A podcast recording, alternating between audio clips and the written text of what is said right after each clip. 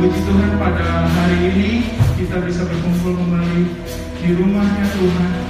Bisa menyembah lagi bersama-sama walaupun ada beberapa protokol yang harus dijalankan.